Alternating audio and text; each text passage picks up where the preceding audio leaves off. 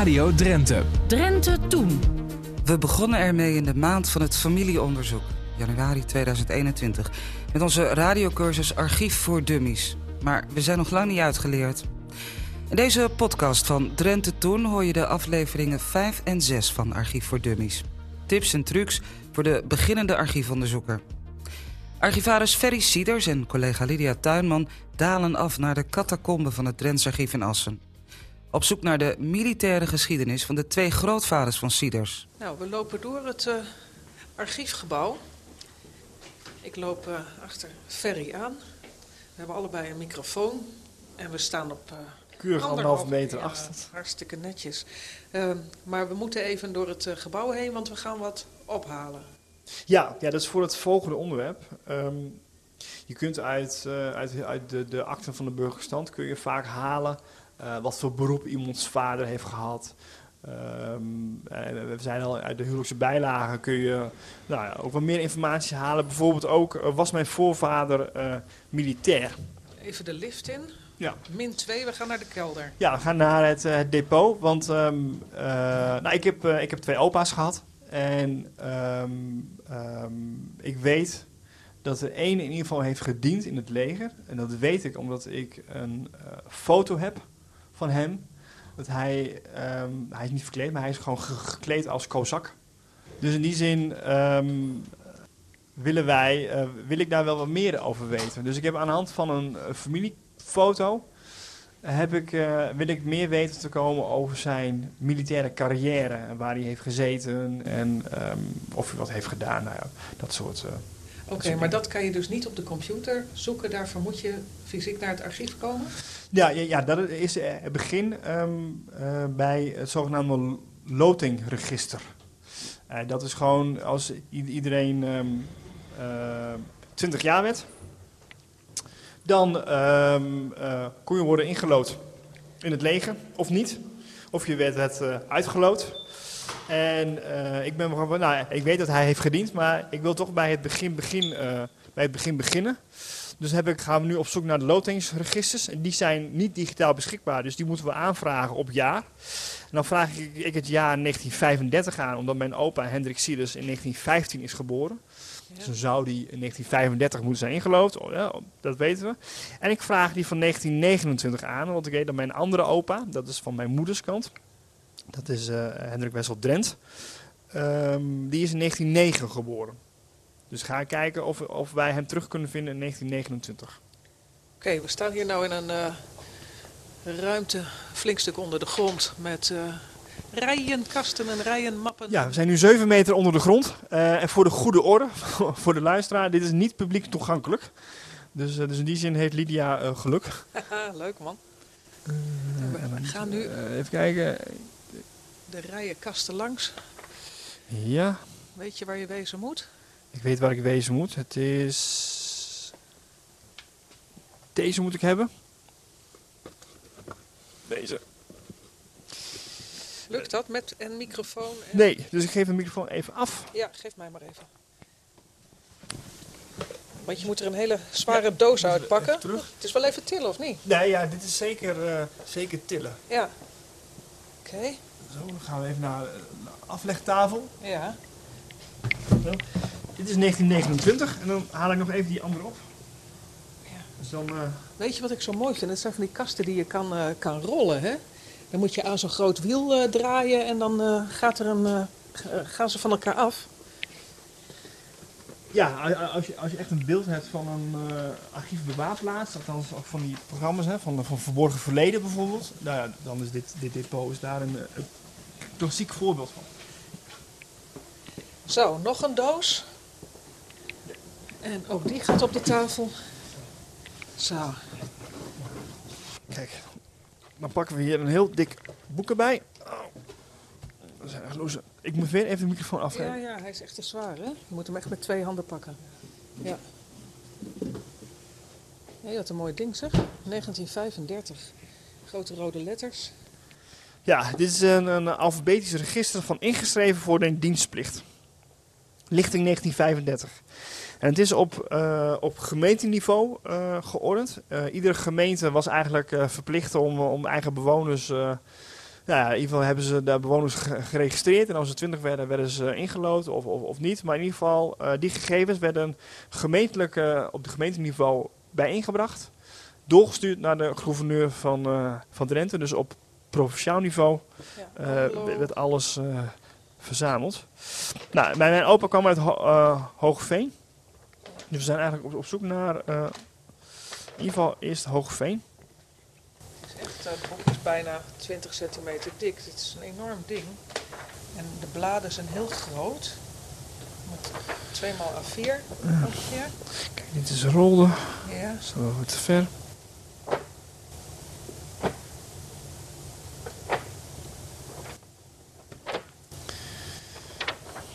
Met stempels. Geschikt staat er dan achter. Hoogveen, zie je dat? Ja, we zijn al eh, bij Hoogveen. Zomer, Zuidema, Zwiggelaar. Dus ja, dus dan is het, Cieders. Ja, dat is hem. twee stuks. Ja, je ziet een eh, Antonio Johannes Sieders. Maar goed, die is geboren in Schoonhoven. En dat heeft niks met mijn familie te maken. En dit is mijn opa, Hendrik Sieders. En ehm, nummer 63, lotingsnummer. Eh Hoogveen, hier worden zijn ouders genoemd, Hendrik. Dus ehm, eh, er wordt al, al geen moeite gedaan om een achternaam erbij te zetten. Want Nee. hij Sieders, is Hendrik en Johanna Koster. Ja. Eh, hier zie je ook beroepen erbij. Genoten onderwijs. Opa heeft lager onderwijs genoten van de landbouwschool. Staat dan met diploma, dus hij is in ieder geval eh, ge- ge- gediplomeerd. Oh ja, en heel kleine lettertjes Ja. eronder met diploma. Ja, hij heeft geen reden aangegeven tot eh, dat hij vrijstelling wilde hebben. Eh nou, wordt ook bijgeschreven hoe, hoe lang hij was. Hij was 1 meter eh, 63. Ja. Niet zo heel groot, dat Nee. klopt hoor. Mijn opa was niet heel groot. Maar hij was al 74 kilo, dus hij was al wel grof, Ja, grof gebouwd. stevig ventje. En ehm, hij is geschikt bevonden, zoals je ziet. Hij is gekeurd. Kijk, en hier zie je dan ook, ook wel meer gegevens. Hè? Ehm, wensen van de ingeschreven. Nou, hij wilde eigenlijk wel bij de, bij de cavalerie. Dus dat is... ehm, Hij had wel wat met paarden. wel maar. met- klopt, dat, Ja. dat is ook zo. Er komt ook wel eh, uit de familieverhalen naar, eh, artillerie. naar voren. Ja. En Dus vandaar natuurlijk ook een beetje de, de kooszakken eh, gebeuren. Maar goed, hij is hier, ehm, hier staat ook wel bij dat hij ook nog verlof heeft, want hij moest weer werken op de boerderij. Lange dienen, zo nodig geen bezwaar. Oh, hij had er wel lol in. Ja. Ja, Nou en je ziet ook wel met, met g- het grote verlof en dergelijke. En ja hij in heeft een, 1939. in Amersfoort heeft hij gezeten. En hij is in ieder geval 25 mei 1940, dus dat Ja. is de, de oorlogsjaren, is hij met verlof eh, gestuurd. En hij heeft dan in Soesdijk eh, gezeten. Er staan een heleboel details over het leven van je grootvader wat je eigenlijk niet wist. Ja, nee, nee, nee. En wat ik hem dus ook, ook niet meer na kan vragen. Nee. Ja, dan kun je aan, aan, aan de hand van dit soort boeken kun je dat dan weer, eh, eh, weer terugvinden. Iets meer informatie, ook eh, waar hij is geweest. Nou, uiteindelijk weet ik gewoon dat hij gaat trouwen met, met mijn oma en, en, en in Hoogveen gaat, gaat settelen. Maar goed, ja, dit, is de, dit is de periode. Ja, dit, dit, dit zijn wat onbekendere, onbekende details die, eh, die je hiermee naar voren kunt. Ja, eh, waardoor zo'n persoon ook een beetje meer in beeld komt. Hè? Hij, Ja. hield, hij hield dus van paarden, hij vond het wel mooi in dienst. Hij Ja. wilde ook wel wat langer blijven als dat nodig Dat was. is geen bezwaar. Ja. Ja. En eh 1,63 lang en eh 74 kilo Ja. zwaar. ja. Ja, daar komt er toch een mens. Nee, ja, ja, ja. En, zeker aan de hand van die, van die foto's die, die ik dan heb van, van hem in zijn militaire tijd, dan ehm, eh, ma- maakt het plaatje iets, iets completer. ja. Maar als ik naar mijn andere opa kijk, ja, dan moeten we weer even Ja. microfoons wisselen. ja, is goed. Want je moet die tweede doos open gaan maken. En dit boek gaat terug. Waarom is dit niet, niet eh, publiek toegankelijk eigenlijk? Eh, nou ja, dat is het wel. Alleen het is niet, eh, niet digitaal. Nee, oh, je moet het even aanvragen. De, je moet het aanvragen, ja. we zijn gewoon, nou ja, we- ja, we zijn nu eh, met de maatregelen beperkt open, maar we zijn in ieder geval open. Kijk, en natuurlijk is het allermooiste dat, ehm, dat dit digitaal eh, beschikbaar komt. Ja, goed, het, is- het is heel erg mooi dat eh, zoveel mogelijk digitaal beschikbaar komt. Dus je moet ergens beginnen. En eh, dit is niet iets ehm, wat wij nog hebben gedaan. Maar het staat zeker op het lijstje. Maar we zijn nu wel bezig. dat kan ik wel verklappen. We hebben een scoop. Ja, we zijn wel bezig om met het inrichten van een eigen scanstraat. Dus dat we zelf nu straks de mogelijkheid hebben om eh, archieven te gaan scannen. En dat heeft, nog, dat, dat, dat heeft, dat heeft eh, enorme voordelen. Dus we willen eigenlijk ook heel erg bezig met, met, de, met de burgerlijke stand. Eh, om, om daar heel veel eh, boeken weer online te, te zetten. En dat zo'n scanstraat eh, maakt het makkelijker en sneller. Ja, daarmee kun je namelijk, eh, hoef je niet de boeken uit huis eh, te, te plaatsen, maar kun je het eh, zelf, het heft in eigen handen nemen. Nu zijn we aan het bladeren en we zijn nu op zoek. Ja, we zijn nu op zoek naar, eh, naar mijn opa, mijn opa Drent. Ja. Eh, ook uit Hoogveen. Dus in die zin ehm, komen mijn beide voorouders uit eh, Ho- Hoogveen. Hmm, In sommige staat een diagonale streep doorheen. Waarom is dat? Weet je dat? nou, ik denk, ik denk dat ze dan gekoppeld zijn aan hun ongeschiktheid. Oh Zie je ja, dat? voor goed ongeschikt. Ja. Oh ja, dat zijn de te klein. die was een Ja. eentje was te klein. Even Ja. terug, even kijken hoe klein die was. Kijk hoor. Want er zou zijn lengte er ook bij Ja, moeten. 1,43 meter. Ja, dat is ook wel een heel Dat klein. is heel klein, ja. Een heel kleintje. En deze was ongeschikt, maar er staat niet bij waarom. Ach jee. Ja, dus zo, eh, zo gaat dat. Kijk, met een streep doorheen. Oh, dus Hendrik Trent was niet geschikt. Hendrik Wessel Drent was niet geschikt, nee. En er staat niet bij waarom. Ja, er staat de code bij, 263. Oh, Nou zou je online kunnen uitzoeken van, ja, wat, ja, wat- ja, wat, wat is dat nou, zo'n zo'n code? ja. En eh, ik denk eh, dat hij ehm, eh, geen, geen knieën of zoiets had. Hij had een aandoening aan zijn knie. Aha. Dat weet je zelf, dat hij dat had? Nou, nee, nee, dat weet ik dus niet. Maar, maar, maar ja, vol- volgens mij staat code 263 daarvoor. Juist. En eh, dat is dus een reden om, om, om iemand eh, af te keuren. Goed, hij is gekeurd en hij is afgekeurd. En toen Ja. kon hij weer aan het werk als landbouwer met zijn slechte knieën. Ja. Ja. Dus in die zin eh, eh, is dit ook een heel leuk resultaat. Dus als jij in een huwelijksakte, eh, in de huwelijksbijlage, geen aantekening hebt van nationale militie, dan zou je kunnen kijken, maar heeft, heeft hij er wel gediend? Ja of nee? Nou, in mijn opa's geval niet. En waarom dan niet?